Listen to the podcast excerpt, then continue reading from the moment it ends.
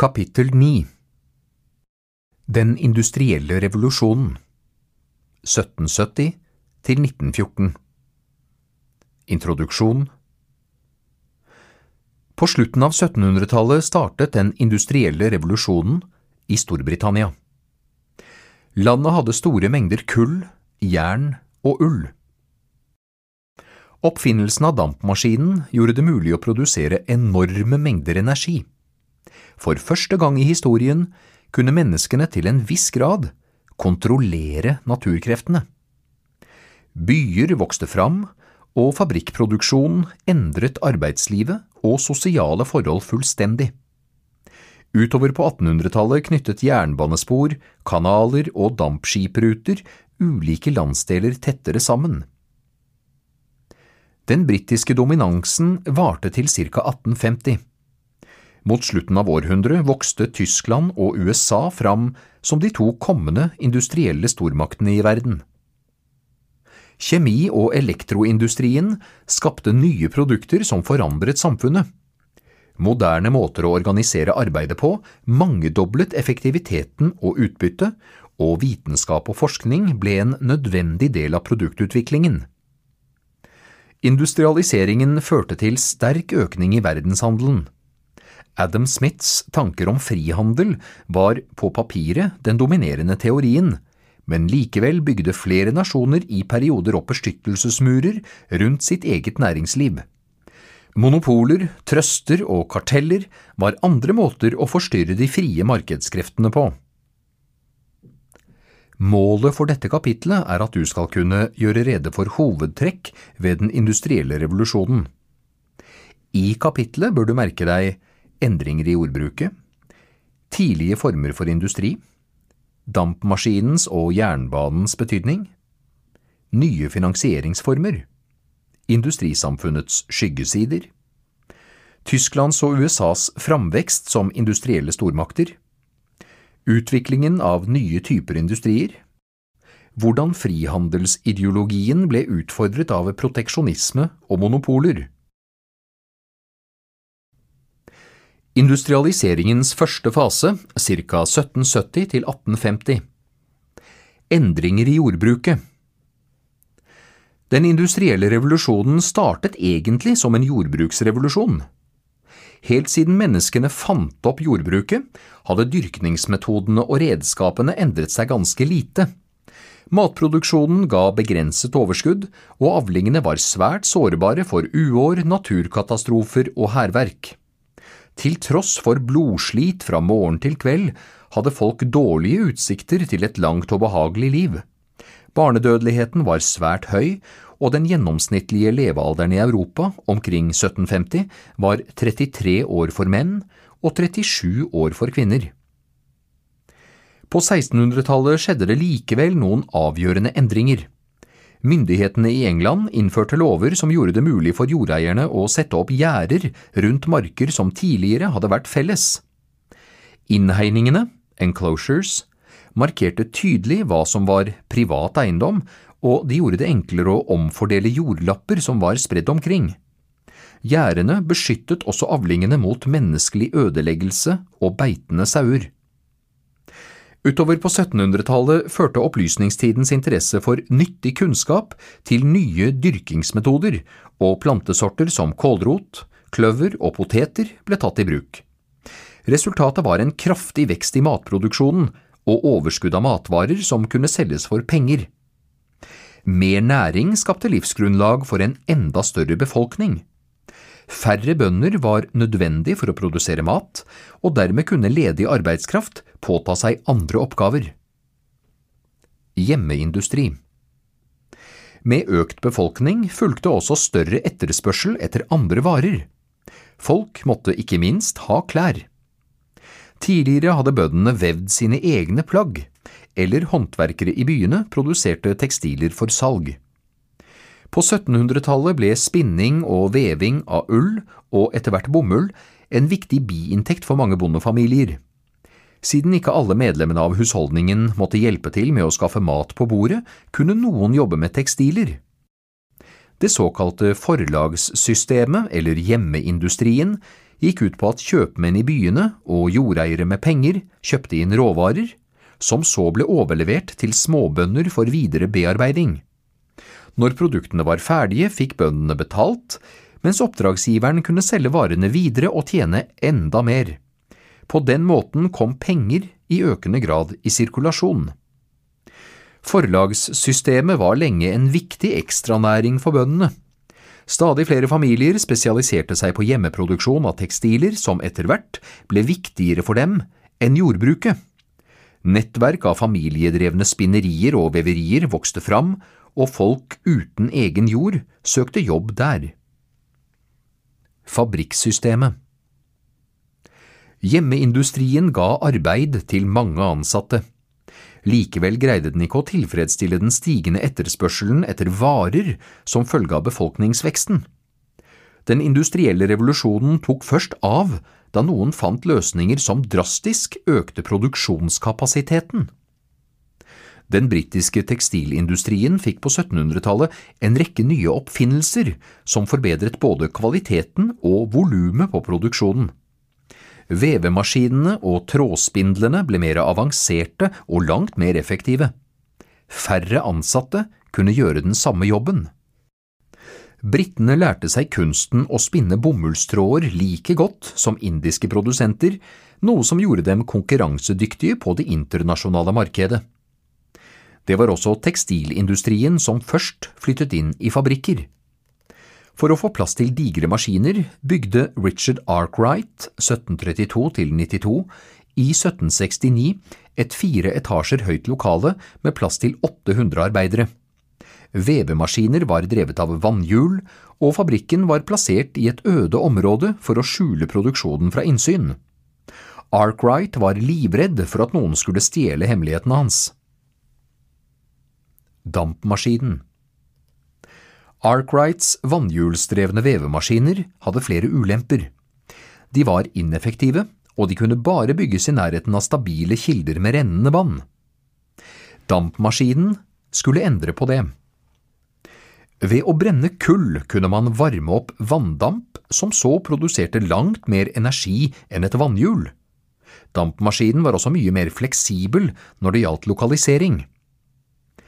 Kull hadde lenge vært viktig til oppvarming av boliger og til smelting av jern. Men utvinningen av det svarte gullet ble ofte hindret av store mengder vann som fylte gruvegangene, så en stor del av arbeidsstokken hadde som oppgave å fjerne vannet. Det var et enormt framskritt da Thomas Newcomen i 1709 bygde sin første dampdrevne pumpe. Den kunne gjøre jobben for 2500 mann, og i tillegg gjorde den det mulig å få ut større mengder kull enn før. Dermed sikret man rikelig med energi til jernindustriens svære smelteovner.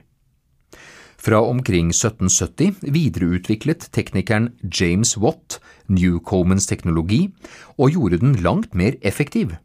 Dampdrevne vevemaskiner erstattet tusenvis av arbeidere og gjorde produksjonen enda mer lønnsom.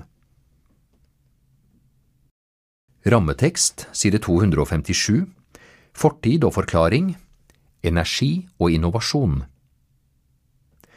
Den industrielle revolusjonen løste et av menneskehetens største problemer – mangelen på energi. Helt fram til slutten av 1700-tallet var muskelkraft samfunnets viktigste energikilde. Nesten alt som skulle løftes eller transporteres, var avhengig av menneskers eller dyrs fysiske kropper. Noen vann- eller vinddrevne møller og seil på skip var de eneste tekniske hjelpemidlene man hadde for å utnytte naturens egen energi. Med dampmaskinen ble alt dette forandret. Ved å koke opp vann kunne man drive pumper, fabrikker, lokomotiver og skip. En dampmaskin kunne gjøre jobben til tusenvis av mennesker. Et lokomotiv kunne frakte store mengder gods eller mennesker i høy hastighet, og et dampskip var ikke avhengig av stabile vindforhold. Et karakteristisk trekk ved den industrielle revolusjonen var stadig nye bølger av teknisk innovasjon. Når en oppfinnelse først så dagens lys, kastet teknikere og ingeniører seg over den og lette etter forbedringsmuligheter. Små detaljer ble justert og tilpasset nye bruksområder. Helt siden starten og fram til i dag er det slik industriutviklingen har foregått. Produsentene konkurrerer om å levere nye og enda mer avanserte varer. Jernbanen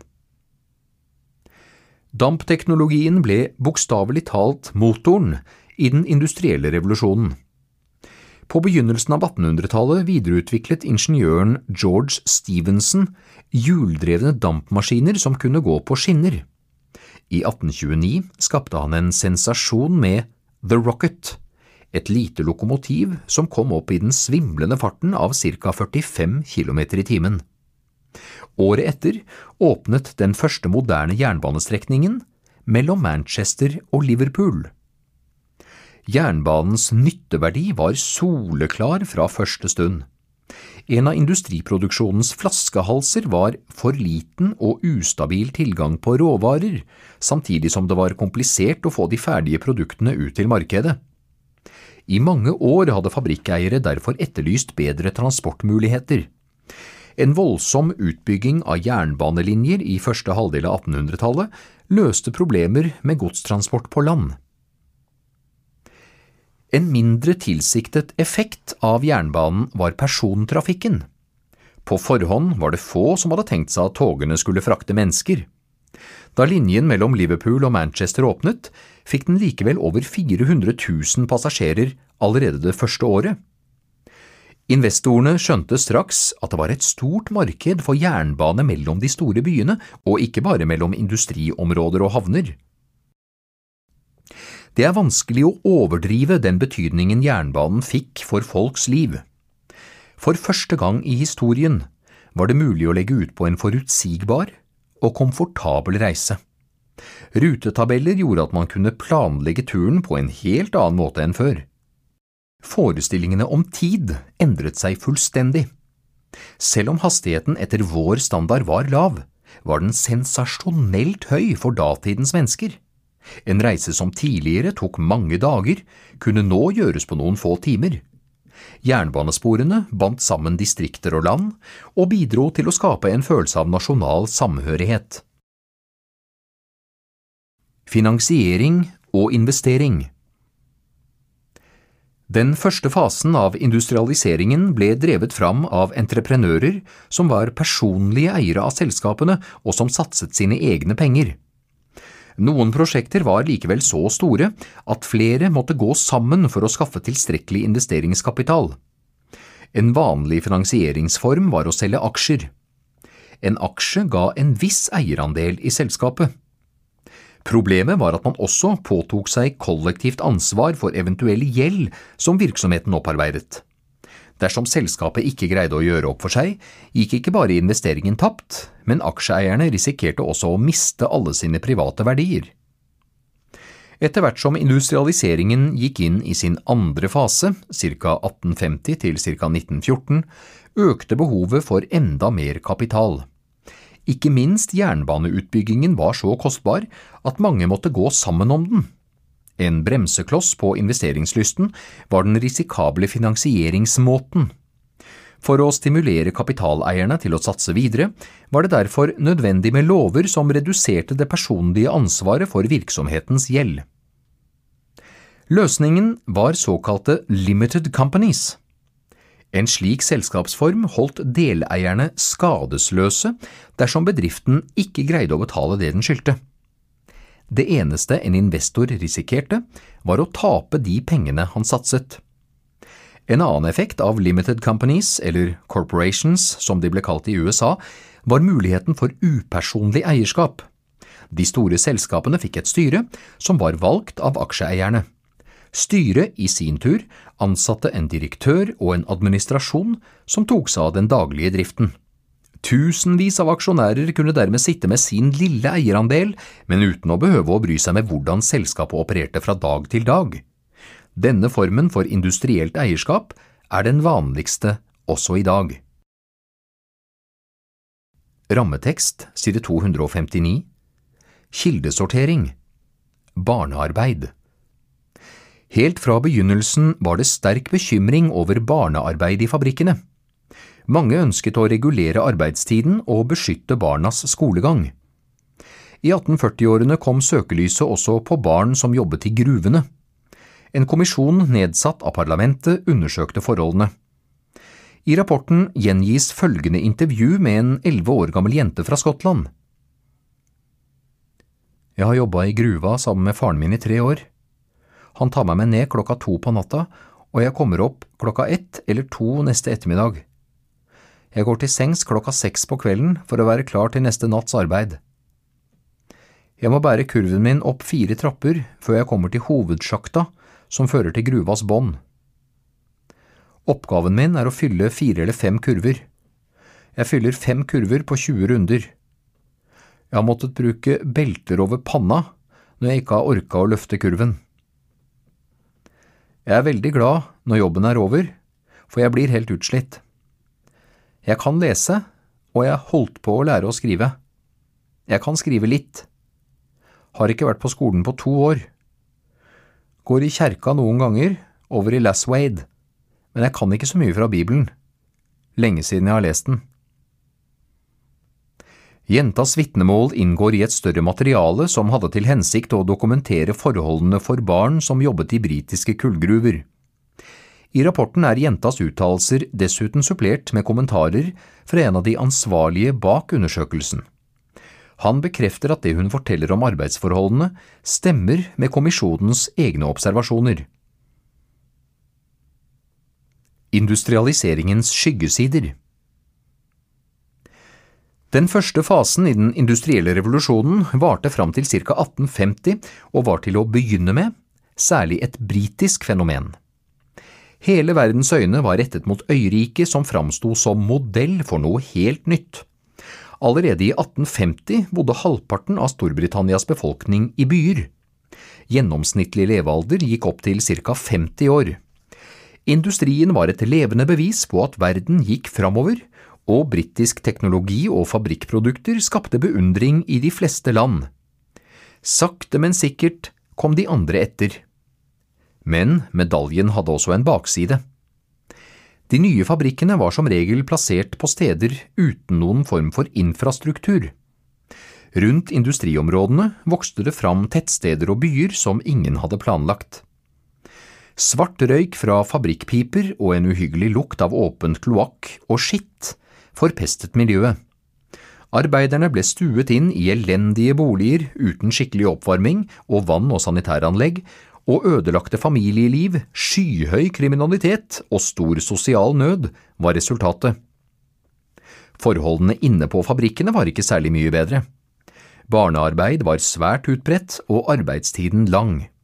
Daglige økter på 15 til 18 timer var det normale, også for barn, og støyende og farlige maskiner gjorde arbeidsmiljøet til et helvete. Risikoen for alvorlige ulykker på jobb var meget stor, og alvorlige slitasjeskader på kroppen var noe alle måtte regne med. Lønningene var lave, og sykeforsikring og pensjonsordninger fantes knapt. De elendige livsvilkårene for arbeiderne sto i grell kontrast til utviklingen for andre grupper. Det pengesterke industriborgerskapet hadde lysende tider og var i ferd med å feste grepet om både politikken og samfunnsutviklingen. En middelklasse av kjøpmenn og funksjonærer fikk også sin del av velstandsveksten. De som derimot slet seg ut på fabrikkgulvet eller i gruvene, måtte nøye seg med smuler.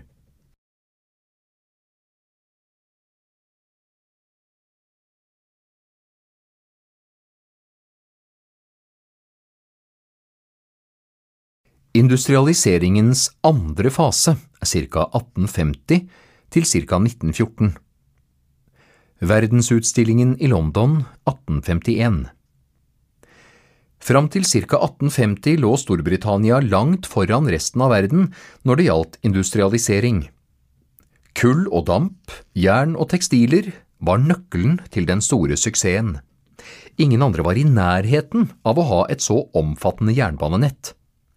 Britiske varer strømmet ut til alle hjørnene på kloden, og gjennomsnittsinntekten var ca. 50% høyere enn i Frankrike og omtrent det dobbelte av hva den var i Tyskland. I 1851 ønsket britene å markere sitt overlegne forsprang. Verdensutstillingen i London var et utstillingsvindu for det siste innenfor teknologi og industri. I det praktfulle Crystal Palace i Hyde Park i London kunne mer enn seks millioner besøkende se over 100 000 produkter fra hele verden. Britene hadde selvsagt flest utstillere, og imponerte med alt fra de nye lokomotivmodeller til avanserte tekstiler. Ingen kunne konkurrere med dem når det gjaldt tradisjonelle fabrikkproduserte varer. Det var likevel ikke britene som vakte mest oppsikt. Mest populær var den amerikanske paviljongen der spennende nye oppfinnelser ble vist fram. Samuel Colts masseproduserte revolvere, Cyrus McCormicks effektive landbruksmaskiner og Charles Goodyears gummistøvler skapte stor nysgjerrighet. Amerikanernes produkter pekte framover mot et forbrukssamfunn der vanlige folk i stadig større grad skulle være konsumenter. Også Tyskland representerte på utstillingen i London. Sammenlignet med amerikanerne var interessen blant publikum ikke like stor, men et par tyske selskaper gjorde seg likevel bemerket. Krupp viste fram den første stålkanonen i verden, og Siemens imponerte med det siste i telegrafteknologi. Verdensutstillingen i 1851 markerte derfor et slags vendepunkt i den industrielle revolusjonen. Selv om britene dette året solte seg i glansen av sin spektakulære industri, sto nå andre klare til å utfordre dem. I løpet av de neste 50 årene mistet britene sin posisjon som den ledende industrinasjonen i verden. Tyskland og USA raste forbi i det som gjerne kalles den andre industrielle revolusjonen. Rammetekst, side 261 Fortid og forklaring Det britiske industrieventyret Den britiske industrialiseringen vakte oppsikt i samtiden. Mange stilte spørsmål om hvorfor England var kommet så mye lenger enn alle andre land.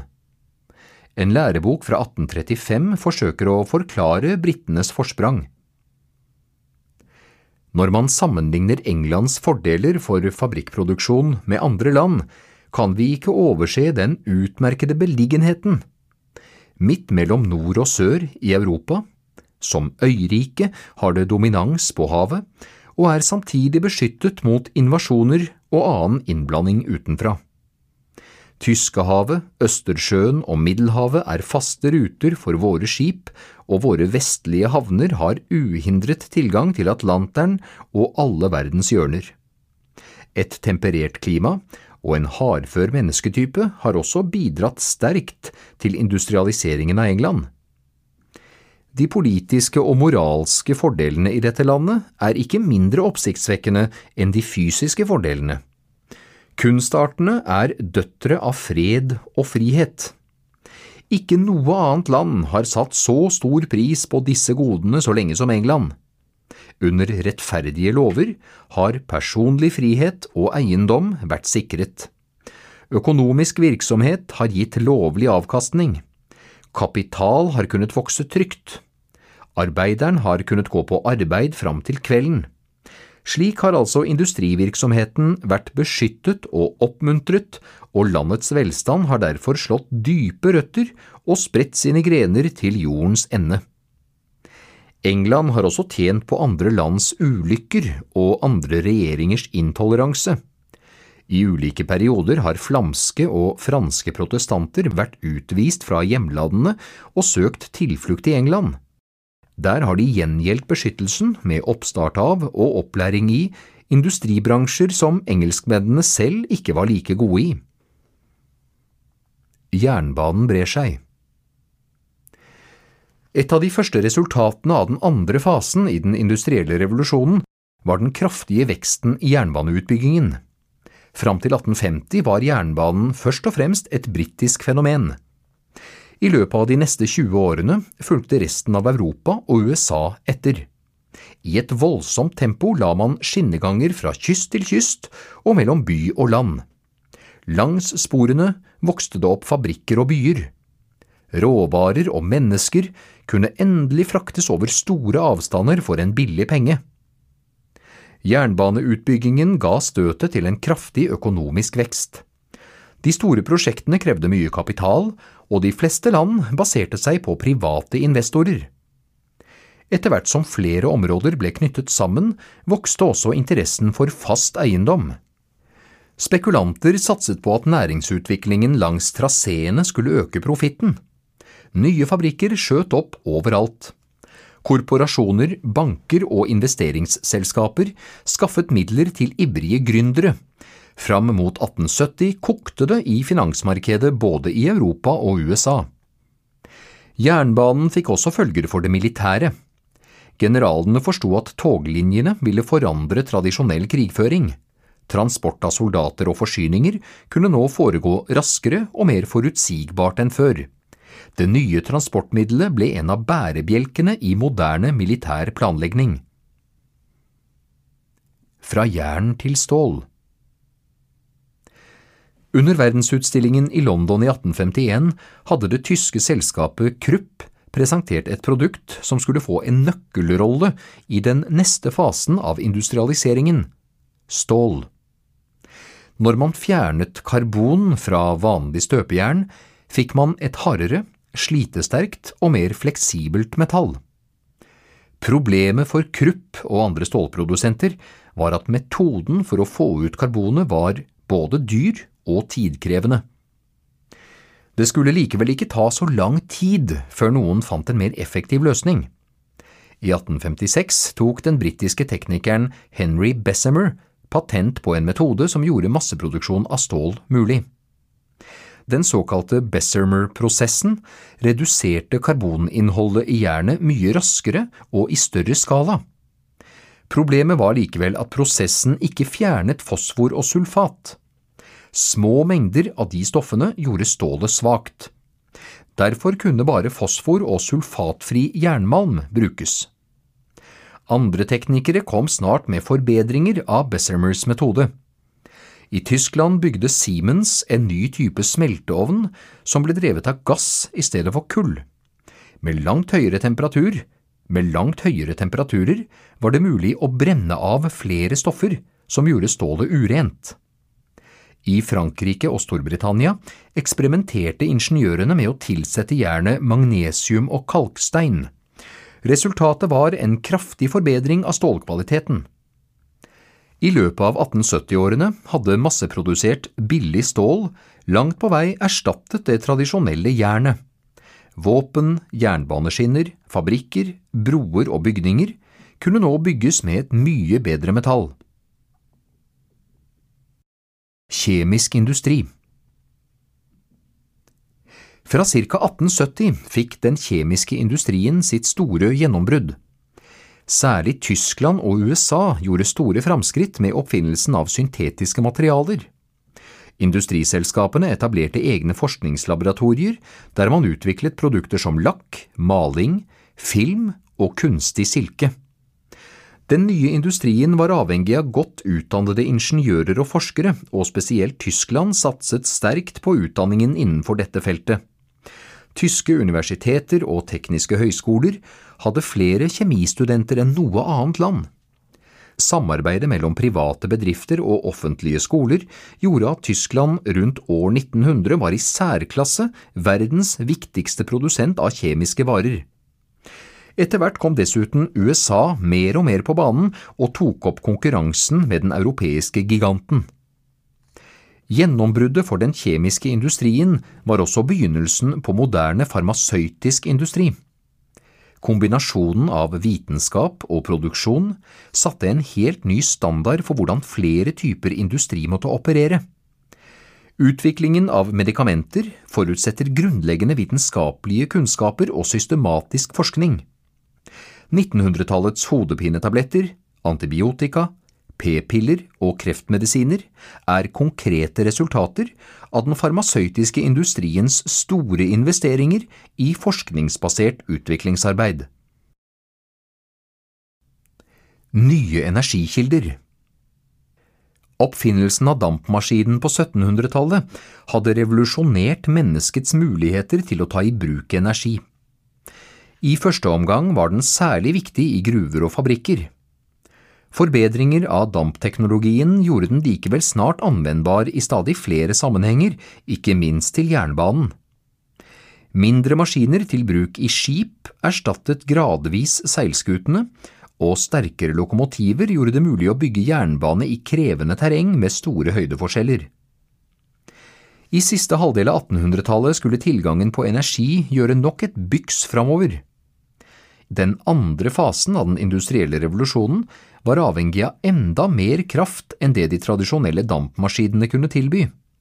Et viktig gjennombrudd skjedde i 1880-årene, da de første turbinene ble oppfunnet.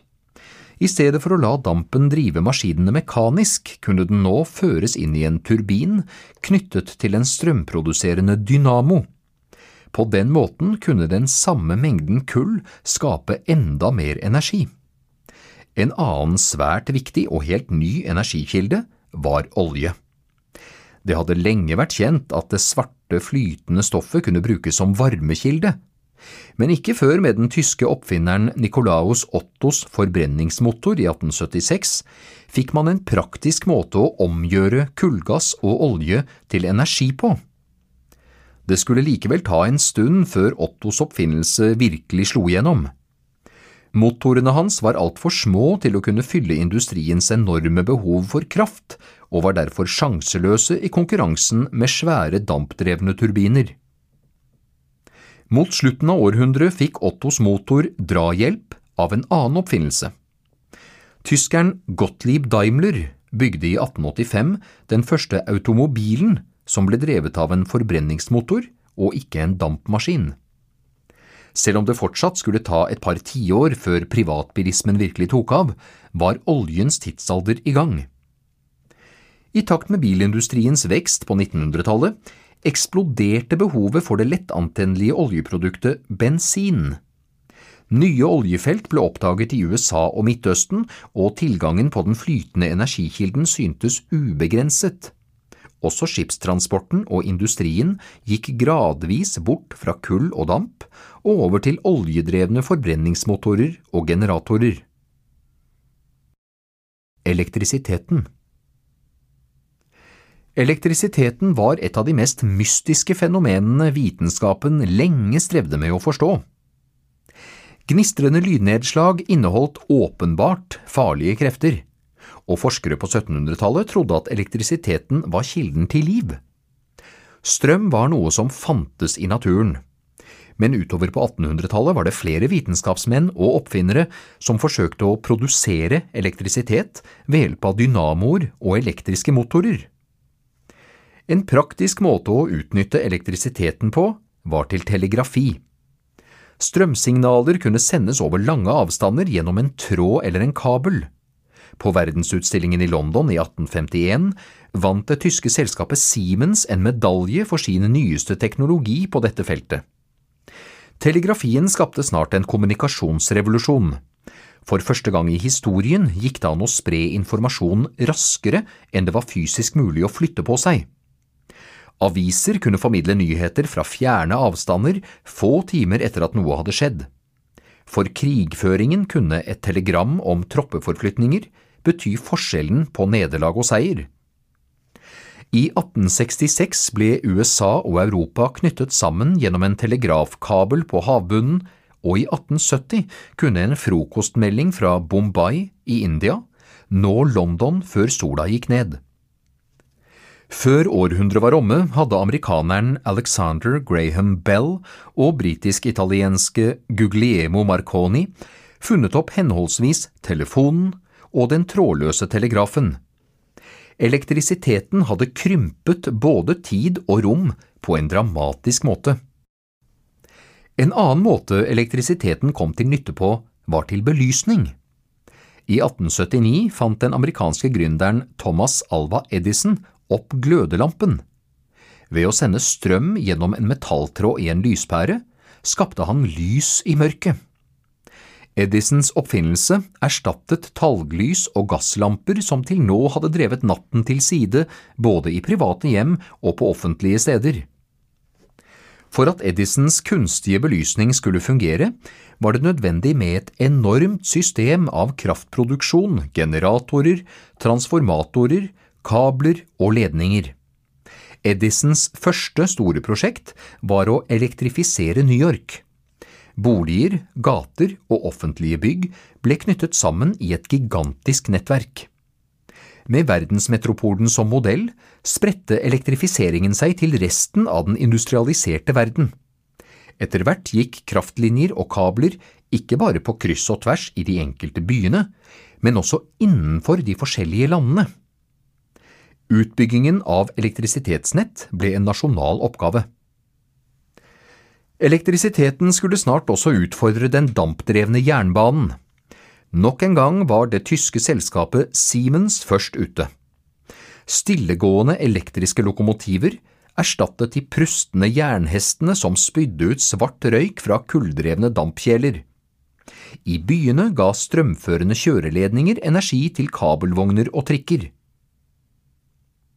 Rammetekst, side 266 Kildesortering Dikt som historisk kilde Leaves of Grass En som beskrev den pulserende utviklingen i USA på 1800-tallet, var dikteren Walt Whitman, 1819 92. I diktsamlingen Leaves of Grass tar Whitman leseren med på en reise gjennom det dynamiske Amerika. Se, dampere damper. Se, dampere damper gjennom mine dikt. Se, i mine dikt seiler immigranter ustanselig inn og går i land. Se byer i Innlandet, solide, veldige, med brolagte gater, med byggverk av jern og sten, med kjøretøyer i ustanselig fart og handel.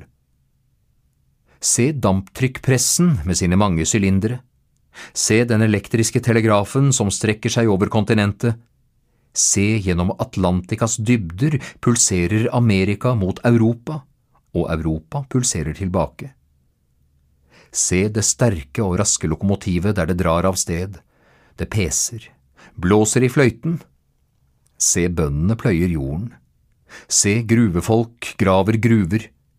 Se de utallige fabrikkene. Se mekanikerne ved benkene, travelt opptatt med verktøyet sitt. Se fremragende dommere, filosofer, presidenter stå frem fra deres midt, kledt i arbeidstøy. Hvordan kan så en slik diktsamling fungere som historisk kilde? Den er naturligvis ingen førstehåndsberetning i vanlig forstand, til tross for at dikteren personlig levde i USA på denne tiden. Tekstene er ikke ment som rapporter om bestemte hendelser eller angitte steder, selv om de jo beskriver konkrete sider ved samtiden. Diktene er i stedet refleksjoner over ulike sider ved den moderne tiden og det moderne mennesket. Som kilder kan de derfor ikke brukes for å rekonstruere navngitte begivenheter, men de kan gi oss et godt inntrykk av hvordan diktjeget opplevde de hektiske tiårene. Slike subjektive opplevelser er viktige når vi skal danne oss et mer helhetlig bilde av en historisk epoke. Skjønnlitteratur er dermed ikke bare berettende kilder, men også verdifulle levninger.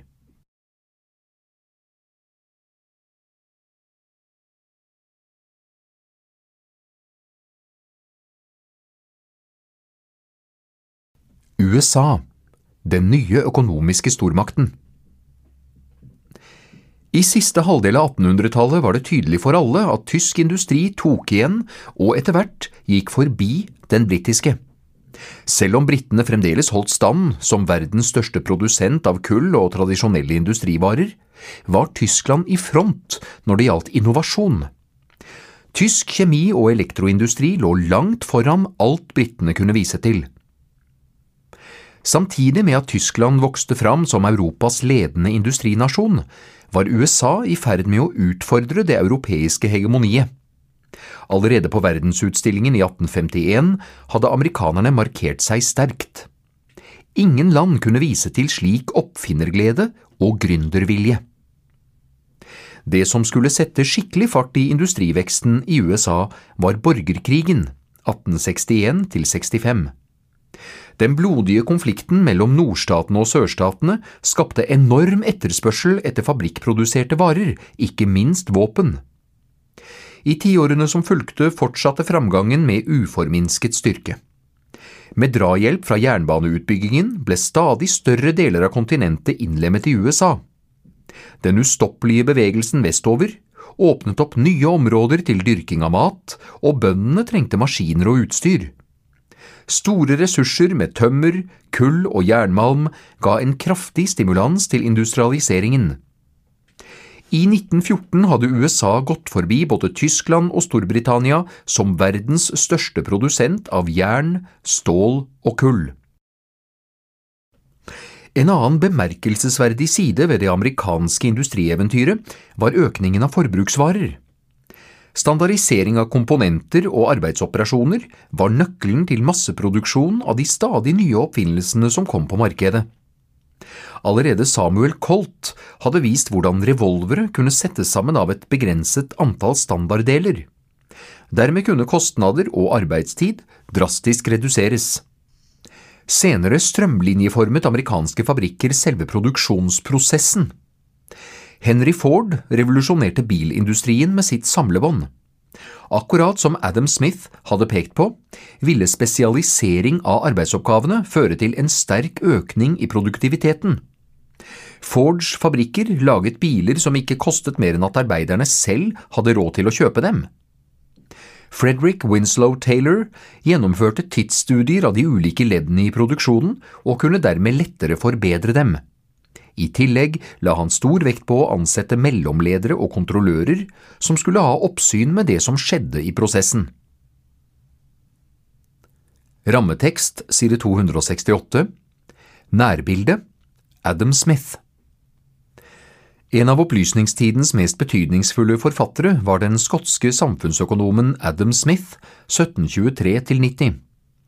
Som opplysningsmann var Smith opptatt av å bekjempe fattigdom og nød.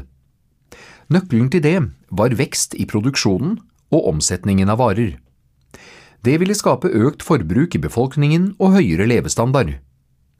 Smith hevdet at den største produksjonsveksten fant sted i land med størst arbeidsdeling. I stedet for at hvert lokalsamfunn produserte alt de trengte til eget bruk, spesialiserte man arbeidsoperasjonene.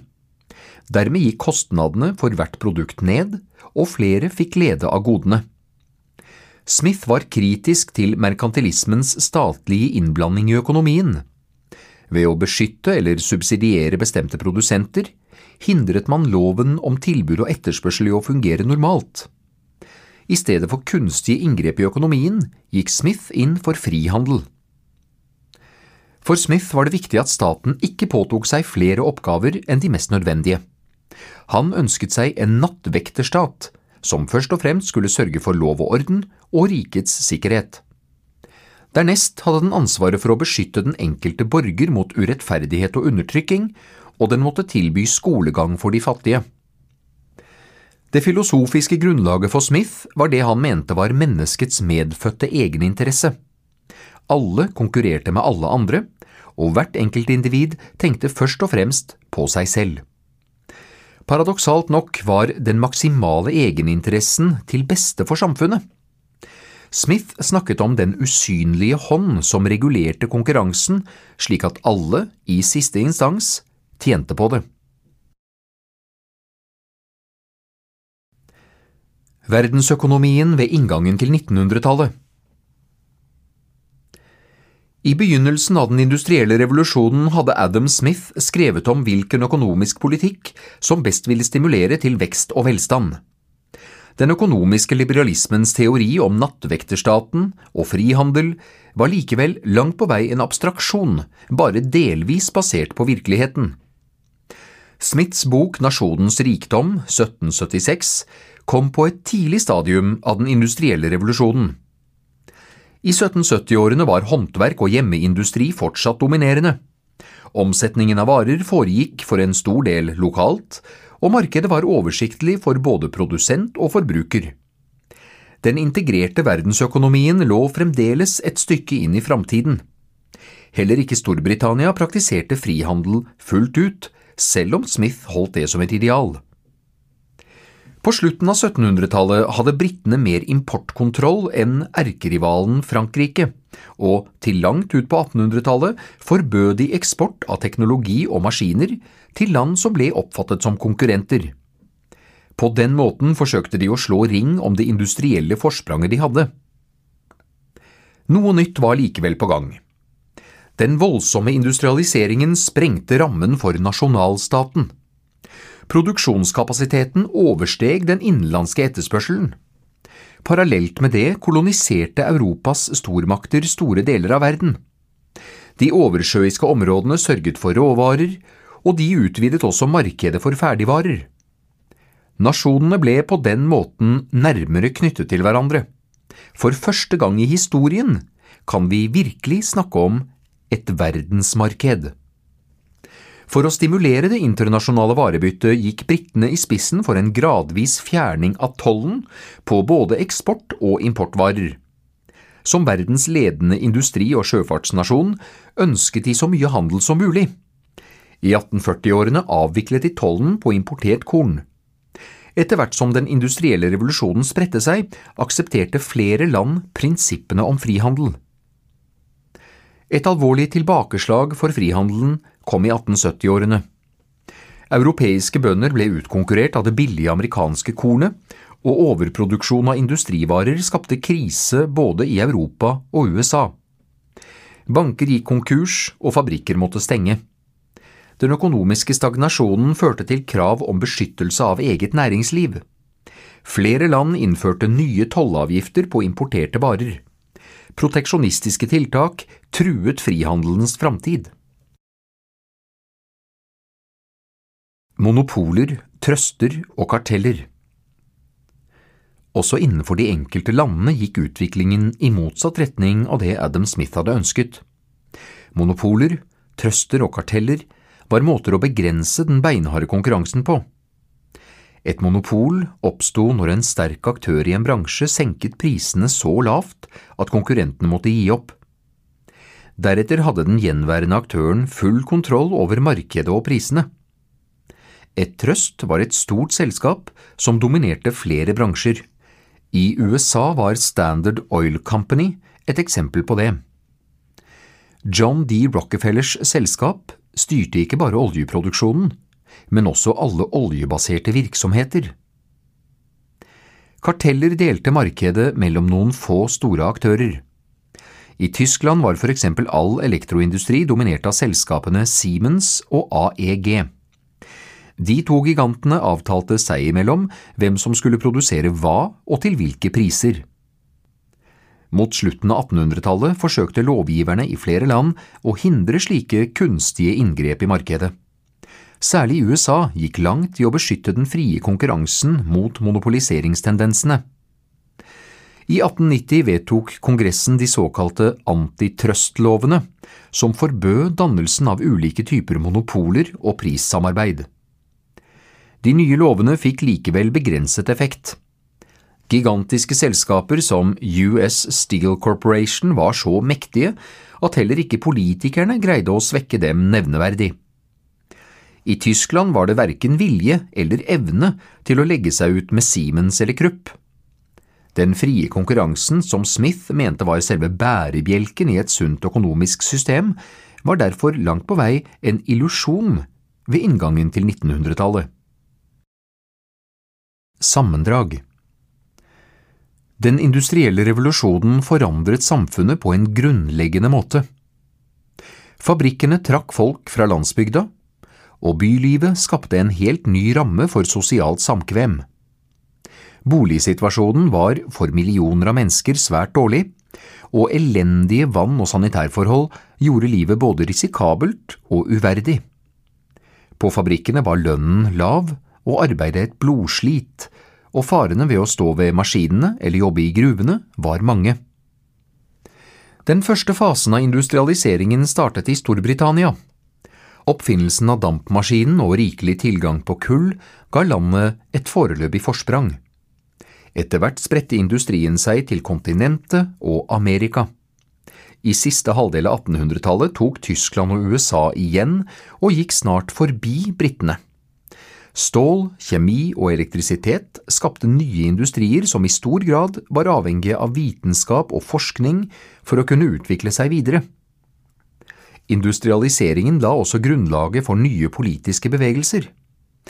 Utover på 1800-tallet kom arbeiderklassen selv til å organisere seg for å kjempe for de rettighetene som revolusjonene på 1700-tallet hadde krevd. Politikere og arbeidsgivere skjønte etter hvert at noe måtte gjøres. Bedre lønns- og arbeidsforhold var nødvendig, og bymiljøene trengte å forbedres kraftig.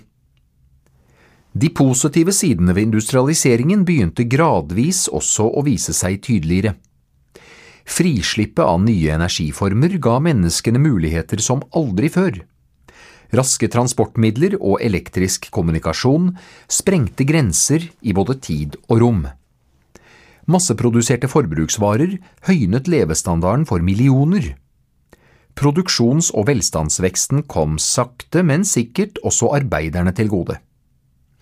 En viktig drivkraft for utbredelsen av industrien var den økonomiske liberalismen. Frihandel på tvers av landegrensene stimulerte varebytte. Etter hvert ble noen aktører så sterke at de skaffet seg mer eller mindre full kontroll over spesielle markeder.